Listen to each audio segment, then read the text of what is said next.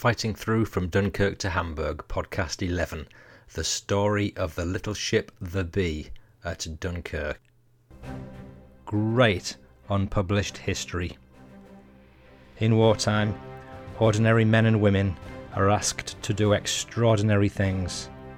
This is the story of the part some Isle of Wight merchant sailors played in rescuing Allied troops from the beaches of Dunkirk in Operation Dynamo. It's the story of the little sailing ship, the Bee. And, and the little boats going over two or three times to, to fetch men off. Hello again. I'm Paul Cheall, son of Bill Cheall, whose World War II memoirs have been published by Pen and Sword in Fighting Through from Dunkirk to Hamburg. The aim of these podcasts is to give you the stories behind the story. You'll hear memoirs and memories of veterans connected to Dad's war in some way, and much more. I want to start by sharing with you some of the reactions to the previous episode about Captain Tom Woods. There's a lot of relatives alive who remember Tom, and there have been some amazing comments on Facebook. Here's just a few of them. First of all, Sarah, his great granddaughter, said, I've listened to the podcast twice so far and cried both times. I've been quite moved by everyone's response, especially my Uncle James' reaction. He knew Tom well, so I suppose I shouldn't be surprised. What is so moving for me is to hear your father's account, the account of someone whose life was saved that day. There are so many of us who wouldn't be here had events taken a different course at numerous points in the war. Then Sue said, Just listen to this, and it's made me cry. It was great to hear an account of someone rescued by my grandad, and to hear his letters read aloud. Reinforces what a brave man he was, and all the others who took part in the rescue. Christine said, How emotional to hear this account. It felt like Grandad was reading those letters, it really brought this historic time to life, with Grandad really in the thick of it. What an honourable man he was, and all his civilian colleagues. Well, I've got to say uh, thank you so much to you folks for your thoughts on Facebook. It's so incredibly heartwarming to know how my podcast connected to people so close to the story. Thanks once again for commenting. Now, moving on, this podcast is the last in the Dunkirk trilogy. So it's a really exciting finale about the so called little ships of Dunkirk, in particular one called the Bee from the Isle of Wight. Now, the Isle of Wight's an island just off the southern English coastline near Southampton. A lot of the D Day ships sailed from Southampton because it's pretty much straight across the sea from Normandy in France. The Isle of Wight was totally dependent on almost all supplies, including food, being carried by a fleet of small freighters. These were among the flotilla of little ships which sailed to Dunkirk. In 1940, the war was going very badly for the Allies. The Germans had raced across Europe, and by late May they'd pushed the British Expeditionary Force and the French army into a small area in and around Dunkirk. Almost 400,000 men were trapped, together with their transport and equipment, with the sea in front of them and the Germans behind. A total disaster threatened. The troops on the beach were being shelled by the advancing German army and attacked with bombs and machine guns by the Luftwaffe. The following passage is from one of my dad's war books. Lord Gort was in charge of the British Expeditionary Force in France, and over some time he'd begun to realise the impossibility of the Allies putting up enough fighting power to better the Germans, so he began making his own plans for an evacuation to England, although he'd not yet had any direct orders to do so. But when he finally did receive orders on the 26th of May, he didn't believe either the Navy or anyone in London really understood the size of the job. At this point, the Navy had only assigned four destroyers to the evacuation. Gort sent RAF Group Captain Victor Goddard to England to make the point that more help was needed. he was to attend a meeting of the Chiefs of Staff as Gort's personal representative. It would be improper for Goddard to address the meeting directly, but Gort hoped he would be able to speak to General Sir Edmund Ironside inside the meeting, within earshot of the other attendees. Shortly after 9 a.m., Goddard was ushered through a heavily guarded door marked Chiefs of Staff only. Inside were the war leaders of the British Empire. Unfortunately, General Ironside wasn't there, and Goddard lost his chance to address the meeting. And for a relatively junior RAF officer to appeal directly to the Chief of Naval Staff was an unpardonable breach of protocol. But as the meeting chairman moved forward on the agenda, there was silence as Goddard watched his opportunity slip away. But suddenly he heard his own voice speaking directly to the Admiral of the Fleet. I've been sent by Lord Gort to say that the provision made is not nearly enough. Pound gave him a startled look. The room rustled, and all eyes swung to him. Across the table, Sir Richard Peirse, the Vice Chief of Air Staff, sat bolt upright, aghast. It was too late to stop now. Goddard went on and on, detailing the requirements of the hour, going far beyond anything Gort had told him to say. You must send not only channel packets, but pleasure steamers, coasters, fishing boats, lifeboats, yachts, motorboats, everything that can cross the channel. He was repeating himself now. Everything that can cross the channel must be sent. Everything, even rowing boats. At this point, Peirse got up from his seat, slipped over, and whispered, You are a bit overwrought. You must get up and leave here. Now. Goddard knew that only too well. He rose, made a slight bow in Pound's direction, and managed to leave the room with a reasonable degree of composure, but with no kind of sympathy or response. The extract I just read out is from an excellent book. It's called The Miracle of Dunkirk by Walter Lord, published by Penguin. But eventually, a fleet of over 900 ships was hastily assembled to try to rescue the Allied army.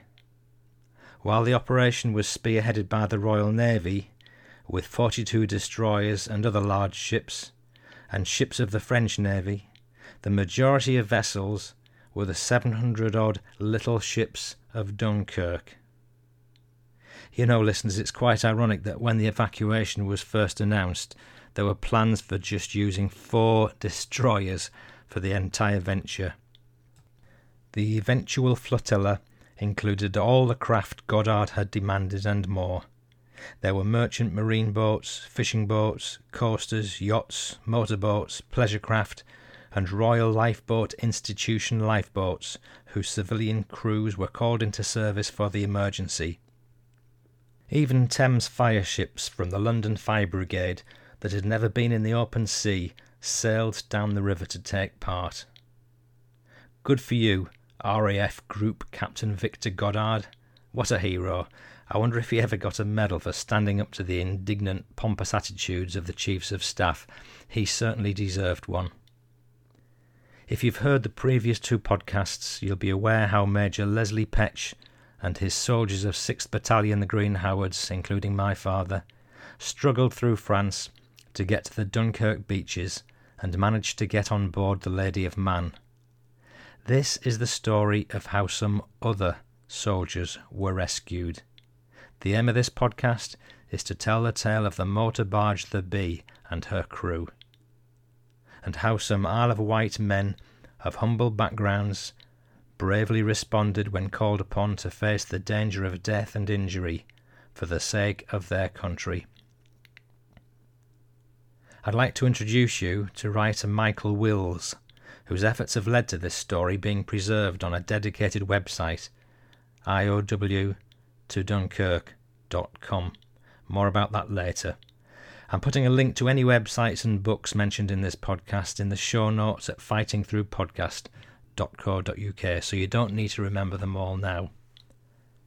Michael's interest in this story is because her skipper, Bill Trowbridge, was his great uncle. Michael was born in his house and lived there during the war years while his own father was away in the army. And we're very lucky to have the complete story of the Bee's voyage written by Fred Reynard, the ship's engineer. Michael knew Fred well when he was a boy and used to have short trips down the River Medina on the Bee. The Isle of Wight County Press announced on 4th of February 1928 that Shepherd Brothers had taken delivery of a new motor barge, the Bee, which was to replace a sailing vessel of the same name which had been carrying goods to and from the island since 1801. The new vessel arrived in Newport on 31st of January 1928, coming from Faversham, where she'd been built at James Pollock and Sons shipyard. She'd been given a cargo of cement for ballast. Just like the other vessels working on the River Medina, the Bee was shallow draft, so she could sit easily on the mud when the tide was out. In fact, her draft was just two metres when loaded. This was a real advantage for her work at Dunkirk, as she could go very close to the shore to pick up the troops. She was 24 metres in length, weighed 45 tons, and was powered by two 44 horsepower Bolinder engines. The Bee's routine role was dramatically interrupted in May 1940 while she was moored in Portsmouth. The Admiralty singled the official start of Operation Dynamo on 26th of May 1940. Two days later, the Bee was in Portsmouth harbour, and the crew were unloading routine cargo when a naval officer boarded the ship and told the captain that the Navy was taking over command of the vessel. A naval crew would take over unless the existing crew volunteered to take part in a dangerous mission. Like the crews of the other island ships, they all did. By 30th of May, the crew found themselves being bombed and shelled off the beach at Dunkirk. So, this is the full story of the Bee's adventurous voyage as told by Fred Reynard, the engineer. We were unloading iron plates at Portsmouth Dockyard when a naval officer came aboard and informed us that the Bee was being taken over by the Navy. He said the task for which she was required was dangerous, and the crew could leave for home if they wished, and a naval crew would be put aboard. Alternatively, the Navy would be grateful if we volunteered because of our expertise in handling the craft. The crew consisted of Bill Trowbridge, skipper, Harry Downer, mate, myself, Fred Reynard, as engineer, and Mark Hocking, aged 18, as fourth hand. We all agreed to stay with the ship. A Royal Navy sub lieutenant was seconded to the Bee and four days' rations were put aboard before we left harbour at 7.30 in the evening. We steamed through the night and all the next day, arriving at an assembly area off Ramsgate at 5 p.m. The officer went ashore for instructions and was back within the hour. He told us the British Expeditionary Force was being driven into the sea and that our task was to lift as many off the beaches near Dunkirk as possible we were again offered the opportunity of quitting. Again we declined, and at 7:30 p.m. the Bee set off. Listeners, here's an alternative version of the narrative from a book by Norman Moss, 19 Weeks. The Navy commandeered the Bee, a 70 ton coastal transport boat. The engineer, Fred Reynard, a chirpy little man, said to an admiral, Beg pardon, sir, but what do your young gentlemen know about Swedish engines? I've been handling this one since 1912. The officer told him about Dunkirk and said, Have you ever been under shell fire? Ever heard of Gallipoli? Reynard shot back. He and his crew took the Bee to Dunkirk with a Navy sub lieutenant nominally in command. Back to Fred. Two routes had been offered to the officer and he was free to discuss these with the crew. We could make for Calais, but would come within range of shore batteries, or we could travel by a more northerly route, a distance of 85 miles. But here there were German E boats making a nuisance of themselves. We opted for the short route via Calais, travelled on our own, and timed our arrival during the cover of darkness.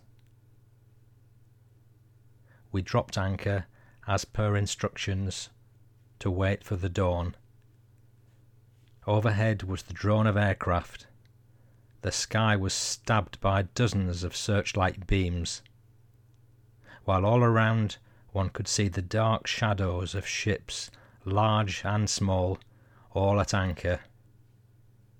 We remained unmolested. In the distance, one could hear the rumble of guns and the explosion of bombs, while fires raging in the town lit the sky. Zero hour was dawn. 3:30 a.m. Sleep was out of the question, and we busied ourselves hanging a scrambling net over the bows. Dawn finally broke. We raised anchor and made for the shore. What a sight met our gaze! The sea was covered in oil, and there was wreckage everywhere. The docks were burning as were huge oil containers, and over the town of Dunkirk was a pall of black smoke. The shores were a sea of human beings, and there was a constant stream of men coming over the dunes and down to the water's edge. A light from a very pistol warned us of impending danger.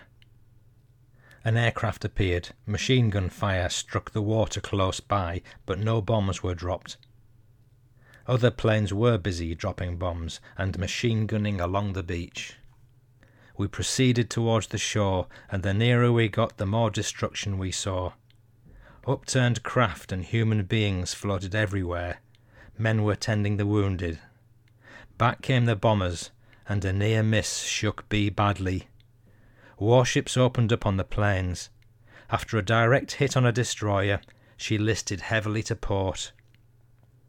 Another destroyer laden with troops was hit and sinking. Men swam towards the shore. Some were picked up by smaller craft, but a large number, torn and mangled, went down with the ship. Less than an hour since dawn, we were still afloat, yet seemingly had spent a lifetime in hell. We were now nearing the beach. Another near miss. No one could be lucky enough to survive this holocaust. Now a welcome sight. Nine of our fighters arrived, and straight into the Huns they went. Easy targets, those dive bombers. Some scattered and fled, some went down. Our planes couldn't remain long, and back came Jerry with his unceasing bombing. But still that procession of men came down to the water's edge. There was nowhere else to go. Cars, lorries, and motorcycles were being sabotaged by being driven into the sea or destroyed on the beaches. A lone chestnut horse ran up and down the beach. More RAF planes arrived. One crashed on the beach. But with more of our planes, what a different story it would have been. Bee drove at full speed onto the shore and grounded. They came towards us, some wading almost to their necks in the water, those men of the BEF. And we realized that our efforts to assist them aboard, with ropes and scrambling nets, were futile. Waterlogged and utterly exhausted, many wounded, it was impossible for them to make such an effort. We quickly sawed the ship's ladder in two, placing one half on each side of the bow. The success was reward enough to see these men file aboard, some equipped with nothing but a covering of clothing, but all with a determination to live. A pause in loading for another raid. We escaped. But just along the beach there was a terrible toll in life and little ships. Another start, and with a few interruptions, we filled to capacity. Every spot where a man could stand was packed, both down in the hold and on the deck. The weight was such that we were stuck firm on the beach, and for an hour we struggled to free ourselves until our plight was spotted by a French tug and we were pulled free. When finally under way, our elation was short lived. We were ordered to transfer the troops to a larger vessel lying offshore. 375 soldiers were transferred to a tug, and not once but twice more returned to the beach for further troops. Fearing that any further grounding might be permanent, we used our pinnace, a small boat, to pick up the soldiers, but this proved a painfully slow process amid ever increasing bombing and shelling. Where there had been ten or a dozen enemy planes dive bombing ships earlier on, numbers now seemed more like fifty, and not only was there more shelling, it was also increasingly accurate. Just as we were leaving, a naval motorboat came on the scene and picked up another twenty men that she later transferred to us. However, going in for another pickup, she capsized in the by now rough seas, and all but one of her crew swam ashore. The other member tried to swim out to us, but he made little progress against the tide, so we threw him a lifebuoy on a line, and eventually pulled him on board.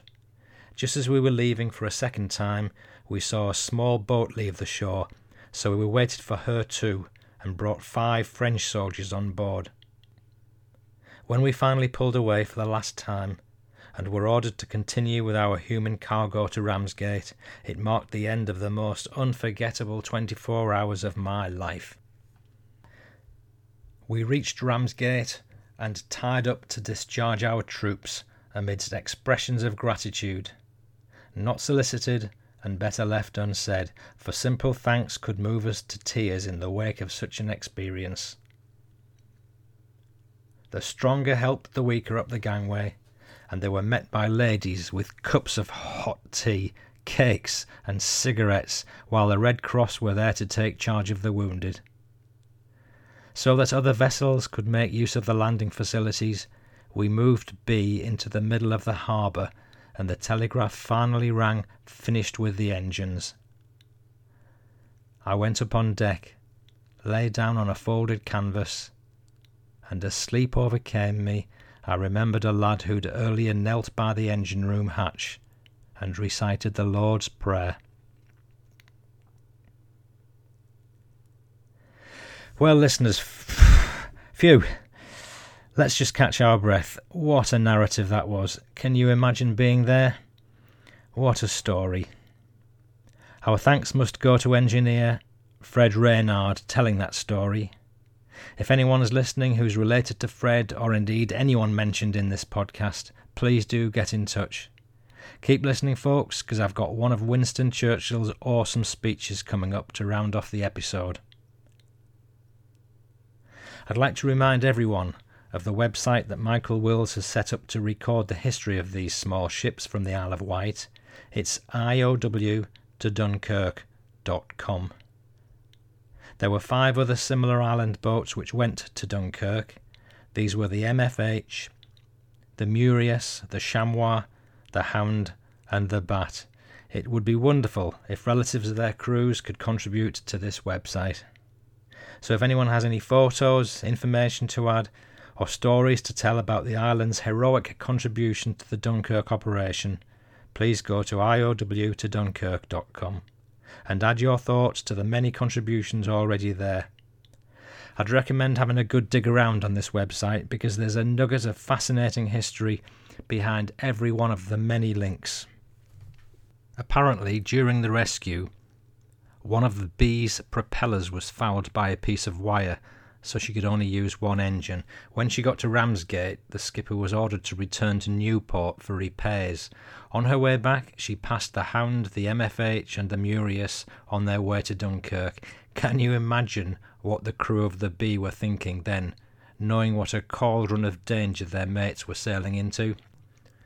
Listeners, there's one posting on the Isle of Wight to Dunkirk website I'd just like to share with you. It relates to the incident I just mentioned, and also casts a light on how the Dunkirk operation must have affected the crew. Julia Furby said, My dad worked as a marine fitter for Pickfords for 43 years, the same company as Mike's great uncle and the skipper of the Bee. He was there during the Dunkirk evacuation. Dad told me that when the Bee was at Dunkirk, she picked up a hawser from a sunken ship, wrapping it round her port propeller. The Navy person who was on board said to keep her going at all costs. She returned on one engine. This action resulted in her crankshaft bearings breaking down. She returned to Newport and was pulled up onto the slipway at Odessa Yard. Dad had the task of sawing the hawser off and repairing the engine. He said that the crews on returning didn't talk much about what happened, but went straight home to families and to sleep.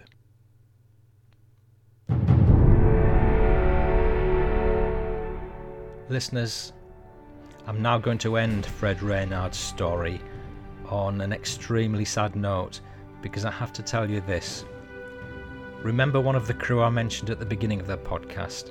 It included a young man, Mark Hocking, aged 18, as fourth hand.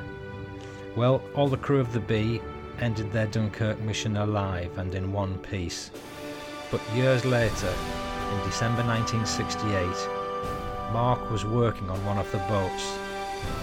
They'd taken a drifting barge in tow during bad weather, and while it was being towed from Portsmouth, a large wave hit the barge. The tow rope snapped and whipped back and wrapped round Mr. Hocking. He died a week later from injuries he received.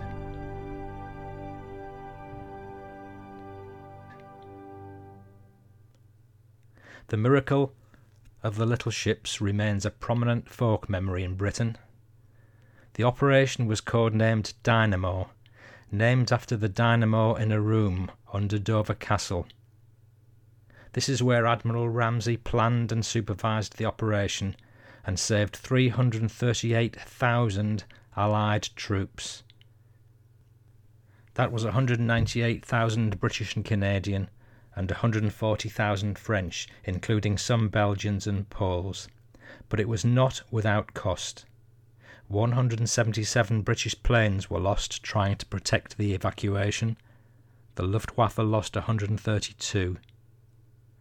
200 Allied seacraft, including six British and three French destroyers, were sunk. Almost a hundred of the little ships were sunk in the operation, and many of their crews lost or wounded.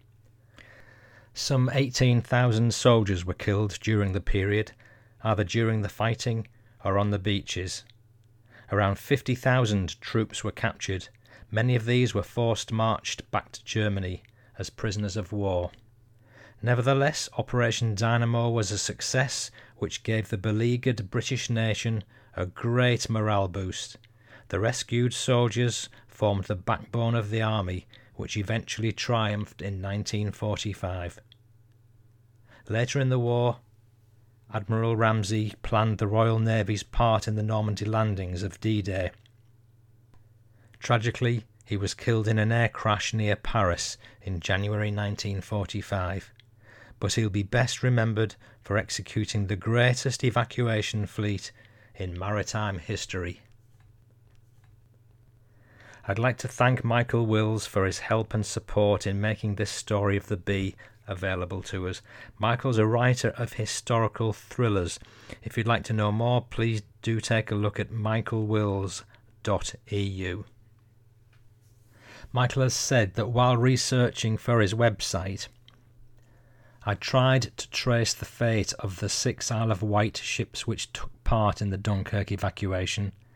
Apparently, the Bee was sold in 1966. Last seen painted navy grey, working as a transport barge in Portsmouth Harbour in 1971. I reached the eventual conclusion that sadly all the boats had been scrapped. So it was very good news to hear that one of the ships, the MFH, has survived and took part in the 2015 75th anniversary reenactment of Operation Dynamo. She joined other veterans in ceremonies taking place at Dunkirk to celebrate this historic event. Like several other ships in the Medina fleet, the vessel had a name related to fox hunting, for example, the Hound and the Tantivy. MFH stands for Master of Foxhounds. However, the ship's no longer called the MFH because she was renamed by her present owner to Gainsborough Trader. She's been beautifully restored and is now berthed in Greenland Dock in London. So, listeners, if you make the trip to London sometime and you see the Gainsborough Trader, I hope this podcast helps you appreciate just some of the adventures that this little ship will have had. If you want to comment on or share what you've heard so far, you can do so via the contact page at fightingthroughpodcast.co.uk. That's really the only URL you need to remember because that's got links to everything else you might be interested in. So, whether you're after social media or feedback or subscribe buttons, you'll find all the links there. You might even have ideas or contributions which could appear in the next series. If so, I'd love to hear from you. In particular, if you've enjoyed listening and you think other people would enjoy it, please do rate the series on iTunes or your usual service provider, as doing this does help raise the profile of the podcast in the search engines. For now, thank you so much for listening. Loving it or hating it, drop me a line, fighting through at yahoo.com on anything. Here's the man Winston reporting to Parliament just after Dunkirk had successfully finished on 4th of June 1940. And please do stick around for the postscript. We are told, sir, that Herr Hitler has a plan for invading the British Isles. This has often been thought of before.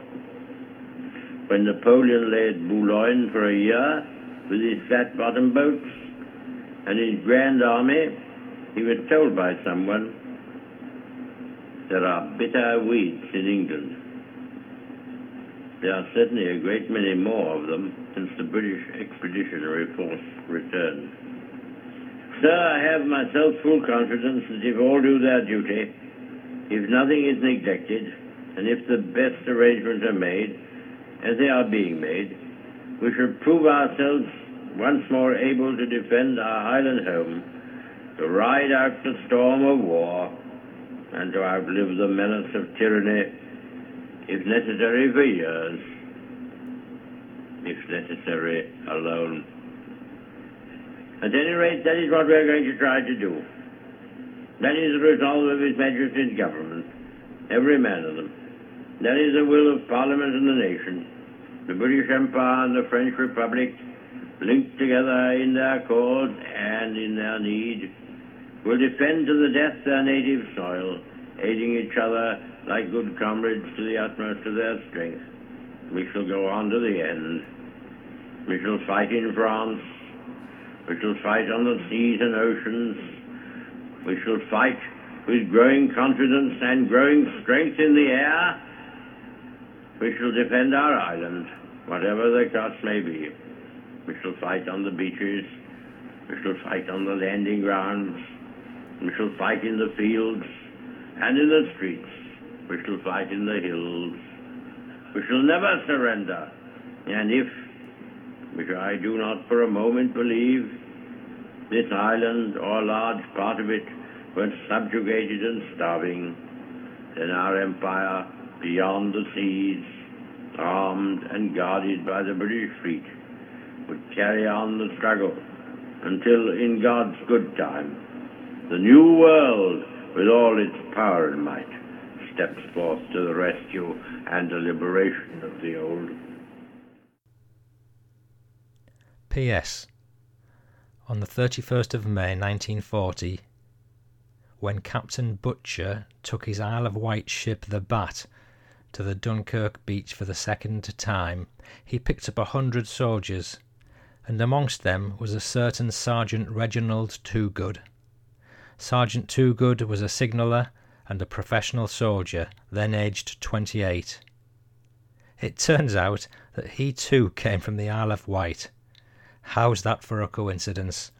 You'll find his photo in the show notes. PPS. If you're wondering who the lady was, talking at the beginning of the podcast, it was my dear old mum when I was talking to her just a couple of weeks ago. Here she is again with a little bit more to say.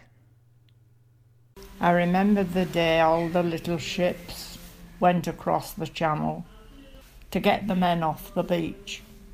And the, the small boats went to bigger boats to go farther out because it was too shallow for the bigger ships to get in.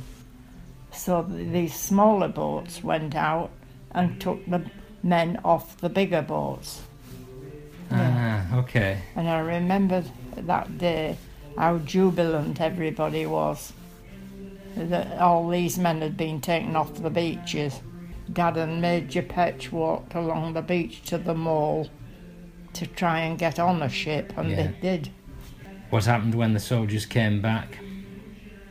Well, Dad was uh, uh, in um, Wales, Swan, near Swansea. He was looking in a shop window, and uh, this old man and his two daughters came up to him. And, and Dad was all dishevelled and dirty, uh, come, just landing from Dunkirk. And um, they said to him, Would, Are you from Dunkirk? And Bill said, Yes. And they asked him to dinner at the house, and he went, and they became firm friends. I don't know who I was with at, at that particular time, Yeah. but um, I remember us all giving three cheers for the British soldiers. And then the rest of the war began. I'm Paul Cheall saying bye bye now.